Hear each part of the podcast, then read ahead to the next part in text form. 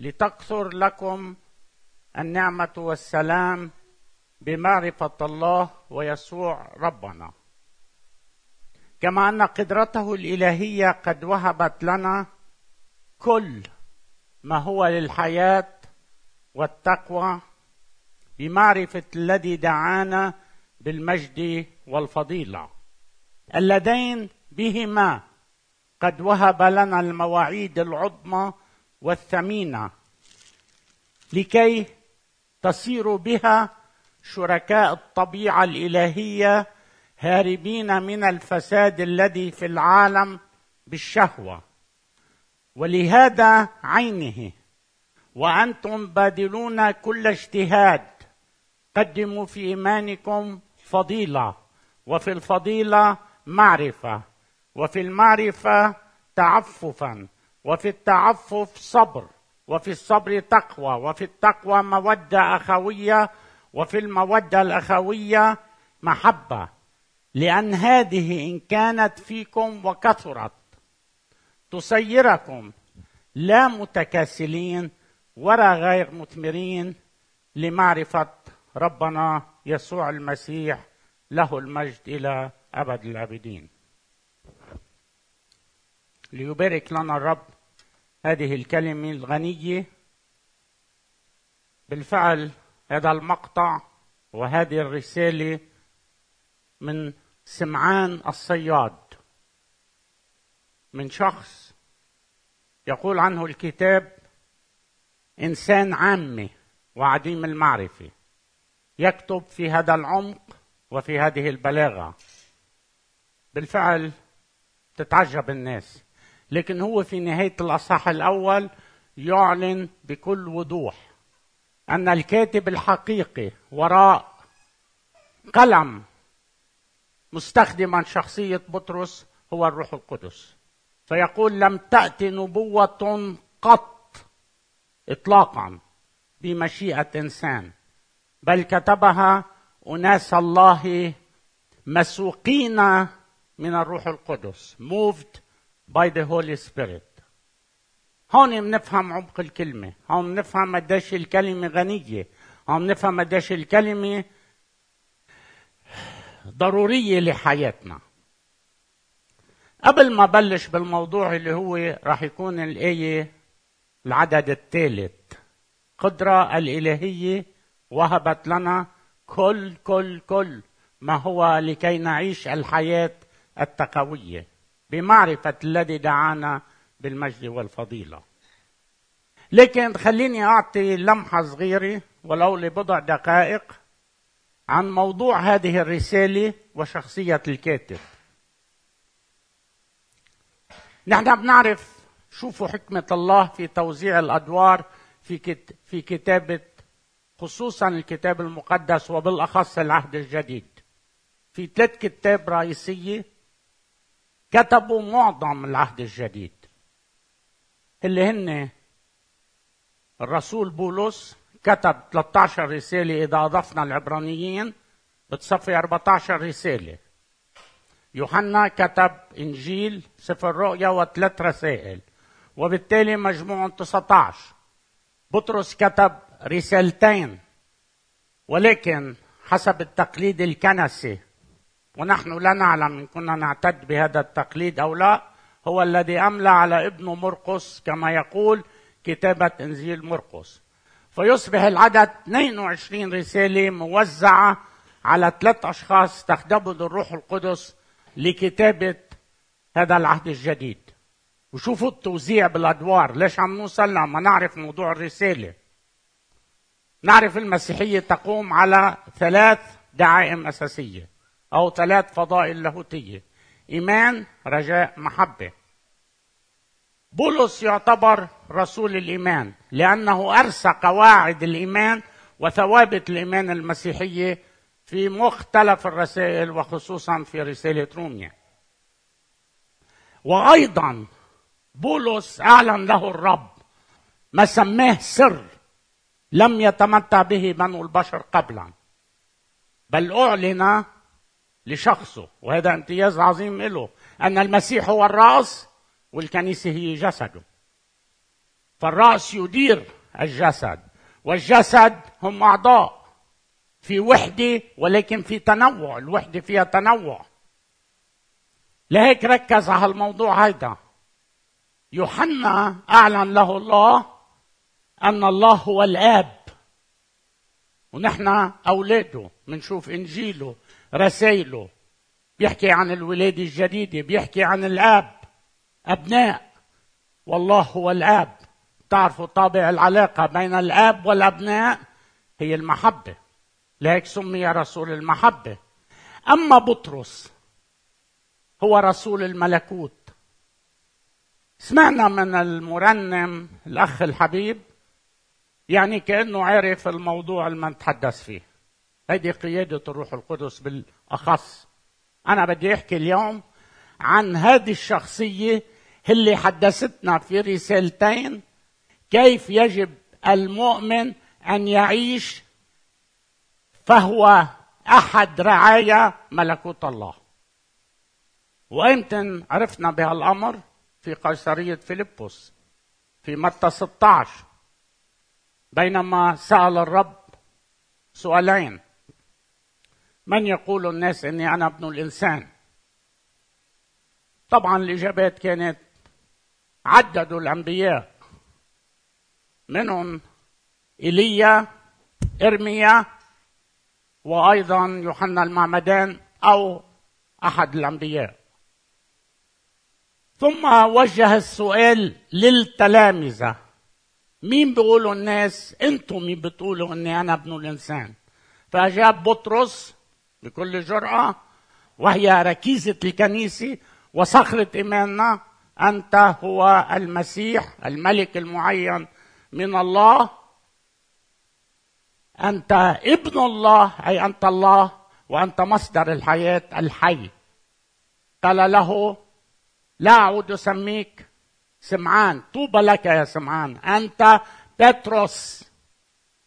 وعلى هذه البترة الاعتراف الصخري سأبني كنيستي لكن أضاف كلمة وأعطيك مفاتيح ملكوت السماوات طبعا بالمفهوم الأرضي في نكت كتيرة في تداول بين الناس إنه بطرس بيقدر يفتح باب السماء. لم يقل باب السماء له ابدا. لأن مفتاح باب السماء هو في شخص الرب يسوع المسيح حصرا. في في يوحنا 13 الطريق الوحيد إلى الآب هو الرب يسوع المسيح. لا أحد يأتي إلى الآب إلا بشخص الرب وبعمله الكامل على خشبة الصليب. لكن ماذا يعني بمفاتيح ملكوت السماوات؟ شفنا بطرس في أعمال الرسل في يوم الخمسين فتح باب الملكوت لأكثر من 3000 شخص. كان الرب يضمهم كل يوم إلى الكنيسة.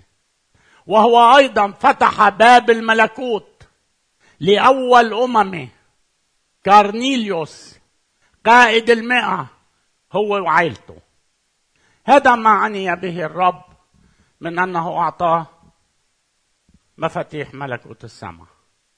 إذا في هذه الرسالة موضوعها هو الله ملك.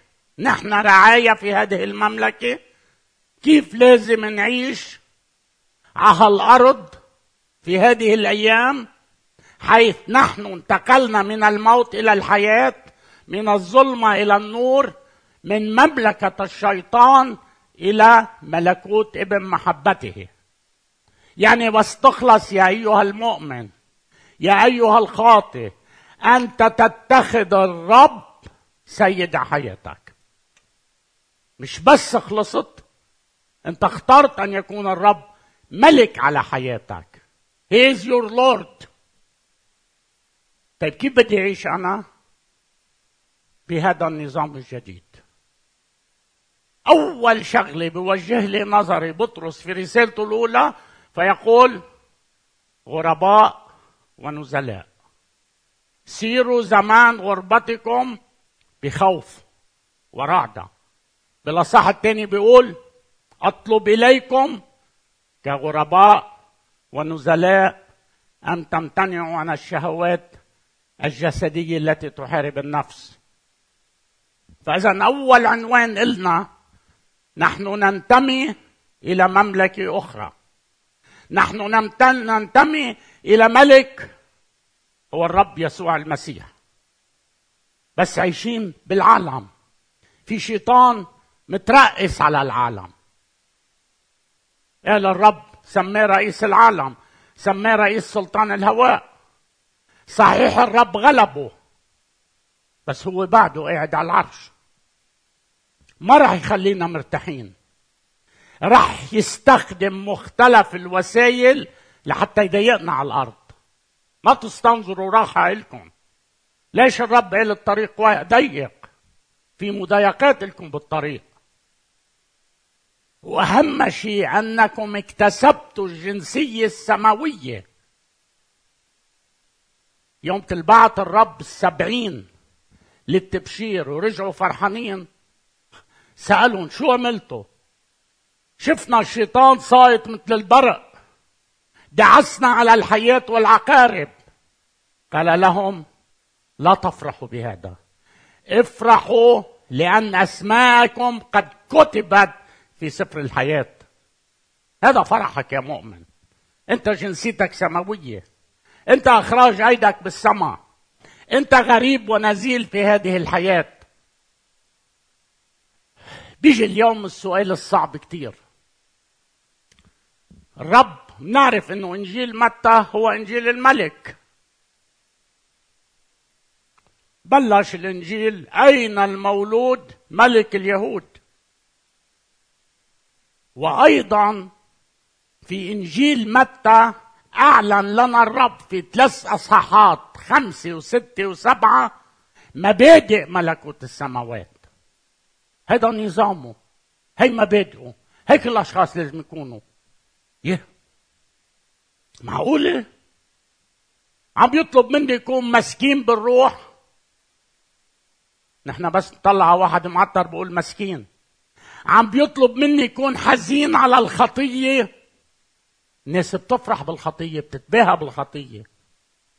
عم بيطلب مني مقياس عالي انقياء القلب. ما أنا مبهدل واحد بنقول قلبه طيب. عم بيطلب مني أرحم. العالم بدها تاخذ حقها بالقوة.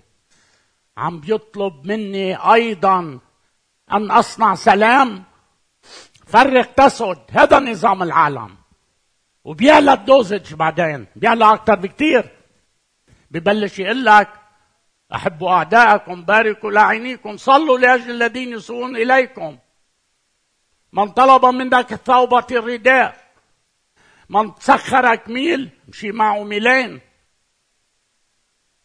وينتهي به الأمر لأن يقول من ضربك على خدك الأيمن حول له الايسر وهذا تحدي لكل مؤمن.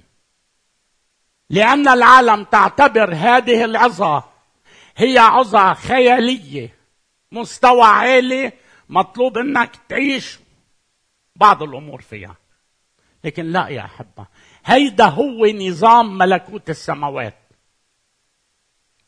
أنا لحالي ما بقدر اعيش دخلنا إلى هذه الرسالة.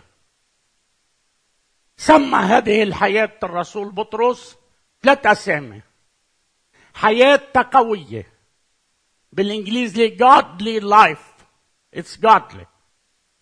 سماها بالاصح بالعدد الرابع مشابهين صورة شركاء الطبيعة الإلهية. أنا عندي نفس الطبيعة اللي عنده إياها الله.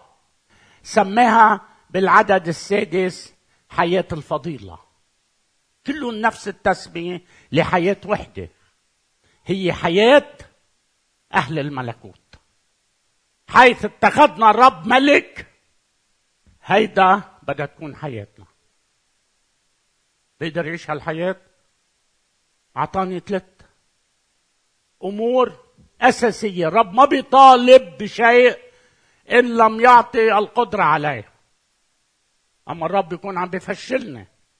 لا. حاشا للرب. نحن أولاده. نحن دفع حقنا غالي على الصليب. نحن افتدينا لا بأشياء تفنى من فضة أو ذهب. بل بهذا الدم الثمين. هل يمكن لهذا الإله أن يطالب مني أمور مستحيلة؟ أكيد لا. وفي هذا الجزء الذي قرأناه نرى أن الرب أعطانا ثلاث أمور. لا حج اليوم لأن نقول لا نقدر أن نعيش الحياة المسيحية. لاحظوا ثلاثتهم عطية وهبات. بالأصح بالعدد الثاني إلى الذين نالوا معنا إيمانا ثمينا مساويا لنا ببر إلهنا. هي شوي صعبة لأنه كلمة إيمان تاخذنا إلى إيمان الثقة. إيمان الثقة أساسا مش هبة من عند الرب بده تمرين عضلات. إيمان الثقة بيتأرجح. ماني مساوي أنا لبطرس بإيمان الثقة ولا لبولس ولا لاستيفانوس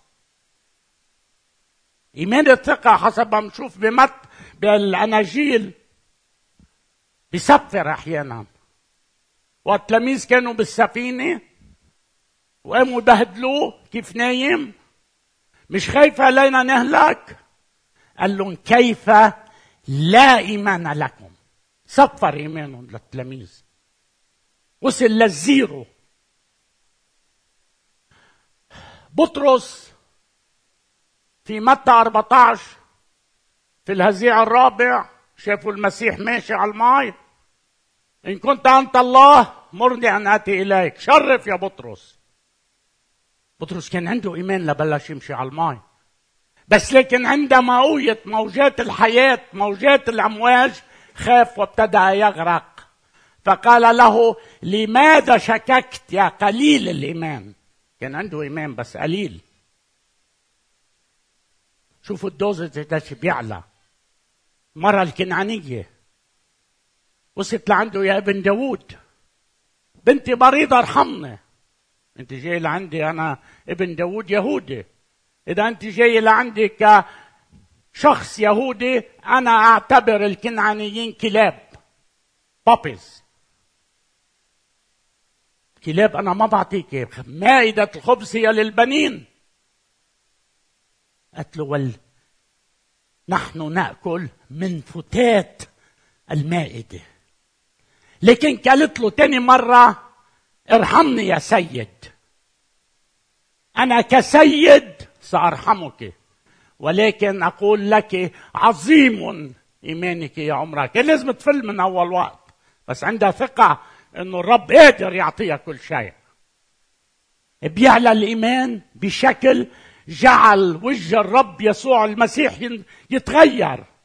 قائد الماء ابني مريض اشفيه قال له يلا رايح لا اشفيه ما في حاجة أنا قائد ماء بقول لا هيدا روح ولا هيدا أنت من بعيد بتقدر تشفيه. شو بيقول لم أرى في كل إسرائيل مثل هذا الإيمان. لكن هون بالآية لا يتحدث عن إيمان الثقة. إنه يتحدث عن إيمان الارتباط بعمل الرب يسوع المسيح. لاحظوا الكلام. نالوا. نالوا يعني وهبوا. إيمان ثمين. جاي من دم كريم وثمين. مساوي لبطرس. ببر إلهنا. واضحة القصة. أنا نتيجة إيماني بعمل الرب يسوع المسيح وارتباطي به.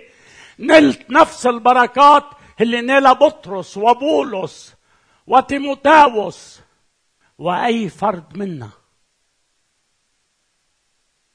برسالة أفسس واضحة. بالنعمة أنتم مخلصون بالإيمان. شو الإيمان؟ بيقول لك مش منك يا الإيمان. ليه؟ لأنه النعمة هي يد الله اللي عم تمتد إلك. الإيمان هو إيدك. اللي بتمتد لتاخذ هالبركات. بالنعمة مخلصون بالإيمان وذلك ليس منكم. عطية من عند الرب. وهذا الإيمان التي يتحدث عنه الرسول في هذا المقطع أنا وبطرس أنا وبولس أنا ويوحنا كلنا على قدم المساواة. مساويا لنا. رأى افسس واحد. بوركنا بكل بركة روحية في السماويات مختارين قبل تأسيس العالم متبنون بشخص الرب يسوع المسيح. بدمه غفران الخطايا ومختومين بالروح القدس. ما في مؤمن بيقدر يزايد بهذا الأمر عن مؤمن تاني. كل إيد امتدت لنعمة الرب وهبت لها هذا الإيمان الثمين. نسأل هون السؤال المهم. شخص غبي شخص فاشل إجا واحد عطاه شركة غنية وكتير شو بيعمل فيها؟ بفشلها. إجا الرب زت البركات علينا كليتها. هل فينا نتمتع فيها؟ بلكم لا. بس لكن الآية المحورية أن قدرته الإلهية قد وهبت لنا كل ما هو للحياة التقوية. فالرب وقت اعطاك البركات. أنا بس اقرا هالايه ما فيني إلا بشك ركبه تصوروا إن كل القدره الإلهية تحت تصرفك يا مؤمن. شو عظمه قوة الله كلها عندي. إيه؟ بس انتبهوا مش لحتى نعمل عجايب لا لنعيش حياة تقوية حياة بالإنجليزي جاية أفضل من الترجمة العربية The godly life. أنا من لبنان إذا أنا لبناني. أنا من يسوع المسيح هو هو از جاد فأنا godly. بكل وضوح. هذا المطلوب مني. انتمي إلى هذا الشخص. اتخذته كرب وسيد حياتي. اذا يجب أن أعيش الحياة الانتماء لشخص الرب يسوع المسيح. أعطاني كل قدرته ما بخل علي بشيء ابدا؟ كل قدرته الإلهية. مش بمجهودك. وهبت لكي تعيش الحياة التقوية. أعطاني بركات. نتيجة الدم. استلمتها بإيد الإيمان. أعطاني قدرته. لقدر أتمتع بهالبركات الروحية. وقدر يعيش الحياة الجادلي لايف التقوية. لكن بعد في شغلة ناقصة. رح أعطي مثل من الدارج. أفضل مثل هو ال train. جبت wagon 2000 3000 horse power. حصان بتجنن فيها تجر خمسين عربة بقوة المحرك. بس إذا ما عندها اتجاه صحيح ما في rails على الأرض يوجهوها بتقلب. لاحظوا كمان شو عطاني كما أن قدرته الإلهية قد وهبت لنا كل مواعيد الله العظمى والثمينة. هيدا من خلال الكتاب المقدس بيعطيك الاتجاه الذي تعيش به. شو طالب مني؟ أبذل اجتهاد. بشو؟ مش بقدرات جسدي السابق. لاحظوا الكلمة ولهذا عينه. وأنتم تبذلون كل اجتهاد لكي تعيشوا حياة الفضيلة.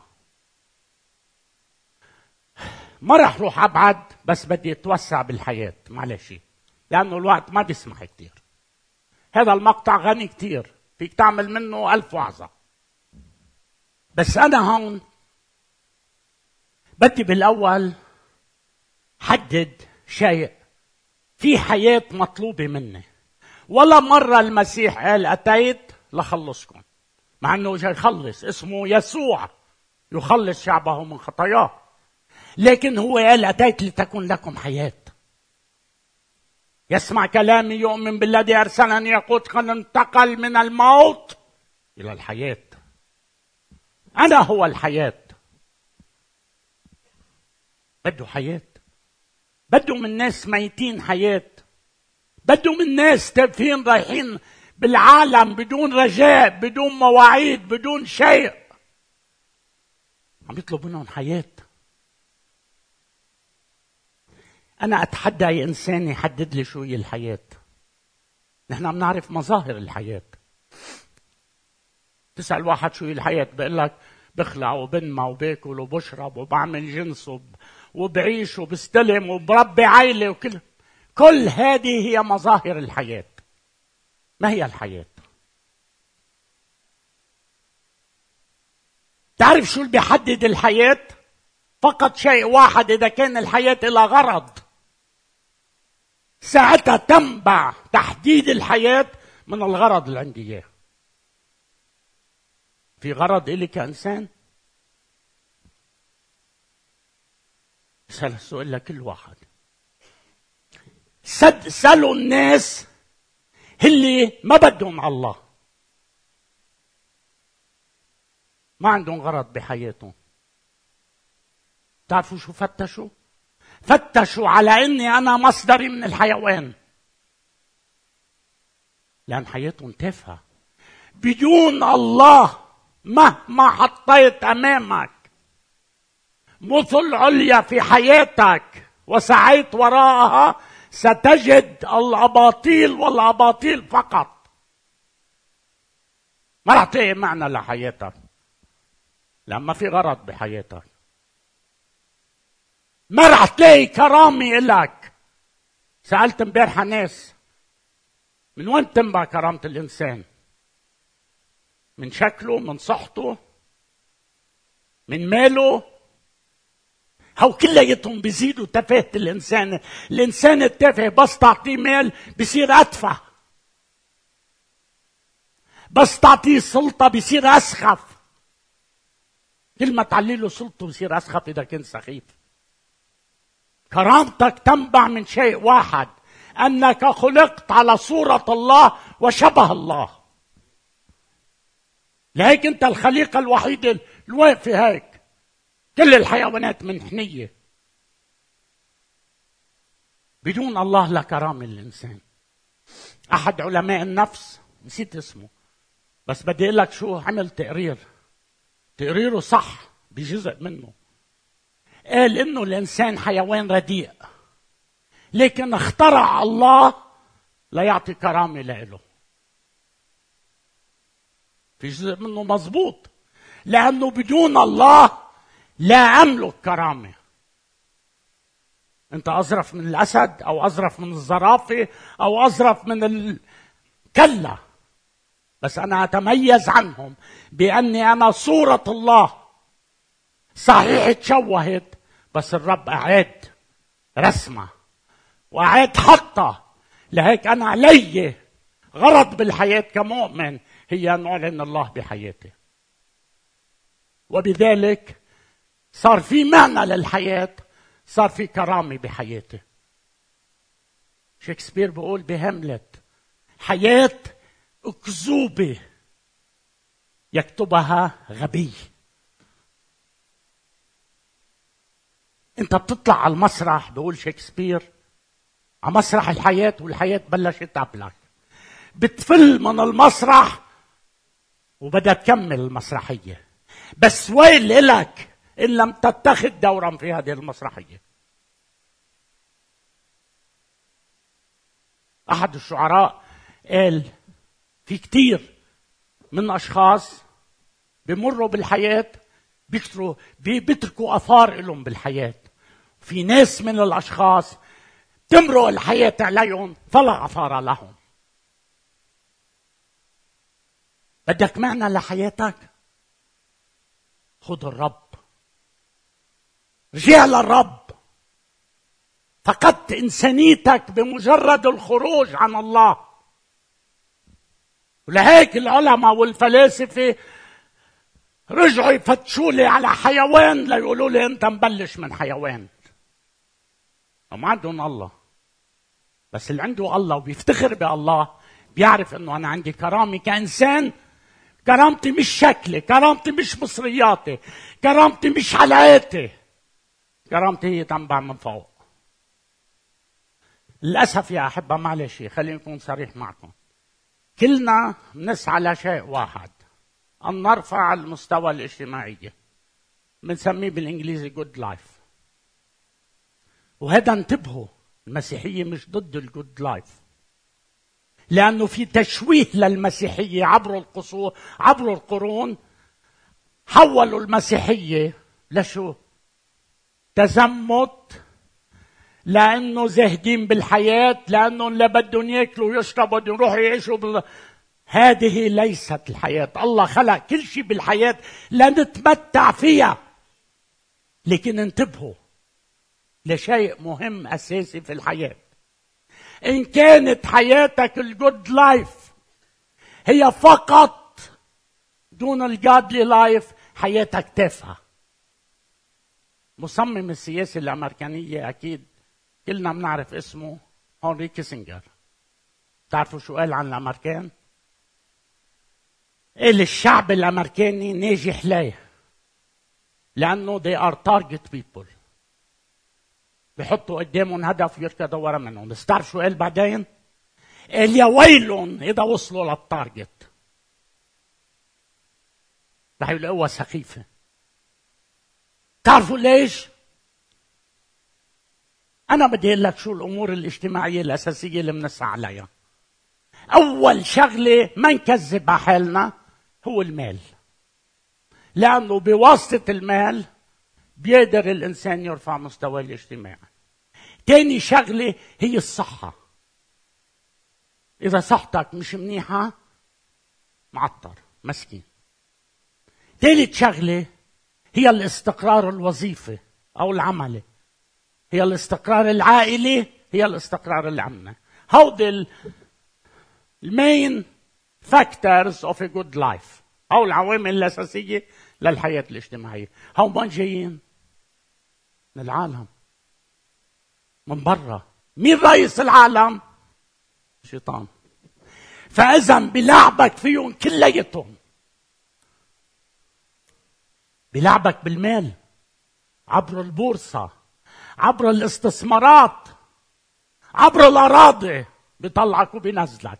فكر حالك غني شوي بتكتشف حالك إنه أنت افقر الناس. عندنا ناس ختيارية بالضيعة لو عندهم 250 ليرة قالوا تركينهم لطلعتهم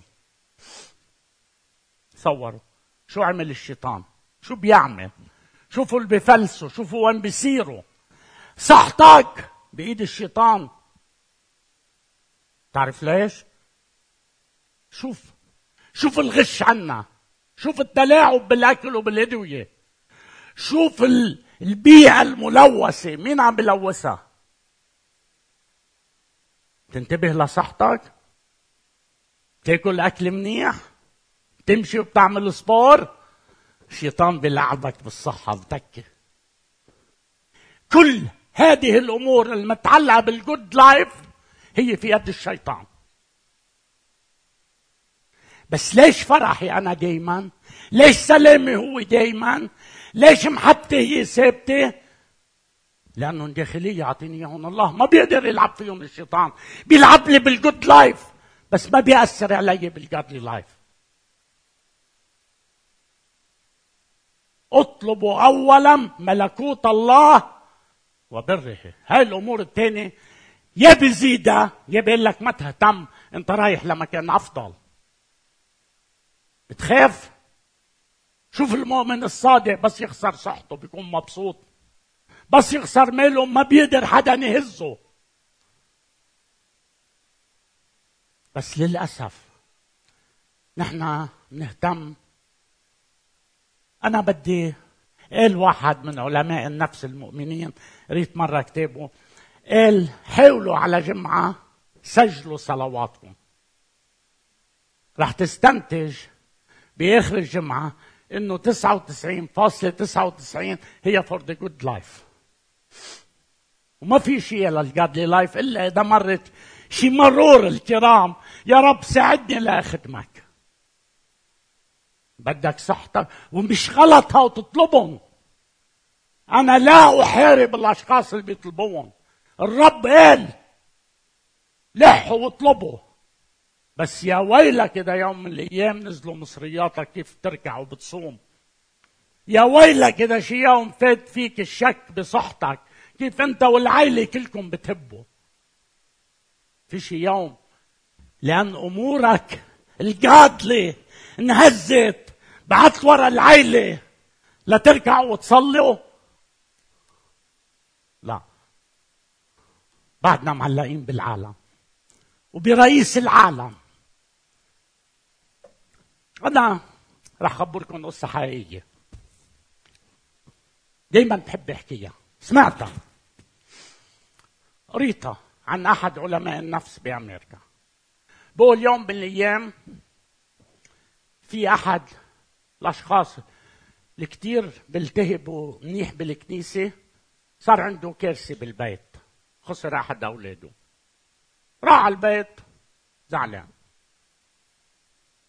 ما عاد اجى على الكنيسة. يروحوا لعنده يخبروه يحاولوا يخبروه مثل قلتها يوم من الأيام بقول هذا الشخص تبنيت إني أنا أروح لعنده وهو هيز سايكايترست علم نفس. قعد حده هو صديقه. قال له بدي أسألك سؤال. ليش أنت عتبان على الله؟ شو المشكلة؟ قال له غدرني. قال له كيف غدرك؟ قال له أنا صار لي عشرين سنة بعطي أموالي للرب. بروح على الكنيسة وبصلي. ليك شو صار فيي؟ قال له إيه؟ معك حق. هذا غدار. اللي عمل معك هيك غدار إيه؟ هي غدر. هي لازم تكرهه. بس في خبرية حلوة رح خبرك إياها. أنا عارفك غير إله اللي عم تعمل معه صفقات. أنا بدي اعرفك على إله بحبك بدون صفقات. أنت عم تعطيه مصاري لحتى يحافظ لك على صحة أولادك؟ عم عم تجي على الكنيسة ليظبط لك مستوى الاجتماعي؟ أكيد أكيد في يوم من الأيام راح تكتشف إنك أنت غلطان. هذا مش إلهنا.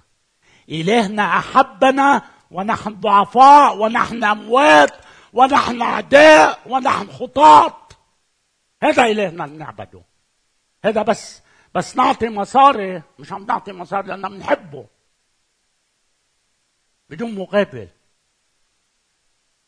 أخي المؤمن تسعى وراء الجود لايف بس رح انهي الوعظة. معلش اسمحوا لي بعد خمس دقايق. في ناس ما بتتعلم من اخطائها طبعا ما رح سمي الكلمة بس في مثل بيقول التكرار بيعلم. فهذا الشخص هو أدنى من اللي بيعلموا التكرار. في أشخاص تتعلم من أخطاء أخطاء. هودي من كل لهم كل احترام. بيغلط تاني مرة بيقول لك ما بدي أغلط. بس في أشخاص مميزين بيتعلموا من أخطاء غيرهم. في عندك تقرير بالكتاب المقدس عن شخصية كتابية تمتعت بكل شيء. واعطاني تقرير. قبل ما يفل من الحياة كتب لي تقرير. شو هو؟ هي الشخصية ولد أمير بتمه ملعقة ذهب. طبعا عرفته منه سليمان. كان أكثر شيء محبب لبي وأمه. مملكته كانت أحسن مملكة في العالم بالغنى. حتى المسيح قال أتت ملكة سبا لتنظر إلى غنى وحكمة سليمان. من نقاصي الأرض. عيش بلا حرب عيش معه مصاري كتير. تمتع بكل شيء وأنا راح أعطيكم خلاصة تقريره. جنات وفراديس. مياه ولاد خدم. عز مال. هو قال بالآخر ما منعت نفسي عن أي عن أي شيء اشتهدته ولم أمنع نفسي عن كل فرح. أوه هذا بده يعطي تقرير حلو هلا عن الحياة. بدي أقول بتجنن الحياة. للأسف يا أحبة باطل الأباطيل. الكل باطل وقبض الريح. ولا منفعة تحت الشمس. عم بيكذب لا عم بيحكي الحقيقة. والروح أراد من سليمان أن يضع هذا التقرير قبل ما يفل. تعرفوا شو الفانيتي؟ باطل الأباطيل. إحدى معاني هذه الكلمة هي لا معنى لحياتي. عشت بحياة ما لها معنى. تعرفوا كيف نهى سفر الجامعة؟ قال وفي الختام فلنسمع ما هو في الختام. اتق الله واحفظ وصاياه هذا هو الإنسان كله. بتصدق؟ هالتقرير ما بتصدقوا في تقرير ثاني عطى الرب يسوع المسيح عن الغني الذي أخصبت كورته. واحد ناجح بالشغل. واحد مصمم بارع. قال هلا بدي أهدم وابني. واقول لنفسي يا نفسي اشربي كلي استريحي لك خيرات لسنين عديدة. وقال له الرب شرف. تعال عندي بهالليلة. يا غبي هذه التي أعددتها لمن تكون. يا أحبة يا ريت بيسمح الوقت لأن هذا موضوع كثير مهم. بس أنا بدي أقول لكم ما تفل من الحياة دون أن تدرك معنى الحياة. يمكن تمشي بعيد واليوتيرن ما بقى ينفعك. تتاخذ قرارات بحياتك إما بياخدك الرب قبل ما تقرر الرجوع أو مشيت مسافة بعيدة بدها كتير مسافة لا ترجع. أنا عم بوجه للشباب قبل الكبار بالسن. لأن كلياتنا أنا بعتبر نفسي أخذت قرارات خاطئة جدا في الحياة. أنا بقلكم تعلموا من الدروس اللي عطاها الرب. ما تتركوا حياتكم أن تكون معناها المال أو الصحة أو ما يقدمه إبليس في هذه الحياة. خلي هدفك في الحياة ما رسمه الله لك. أن تعلن حضور الله. أنتم مش رسالة من الله. أنتم رسالة الله. مش عم بقدم رسالة. أنا الناس بتقرا تقراني كرسالة. بتقرا لطفي بتقرا صلاحي بتقرا صبري بتقرا محبتي خلينا نحط أولويات الحياة. لأن المعطي هو الله. له المجد إلى أبد الأبدين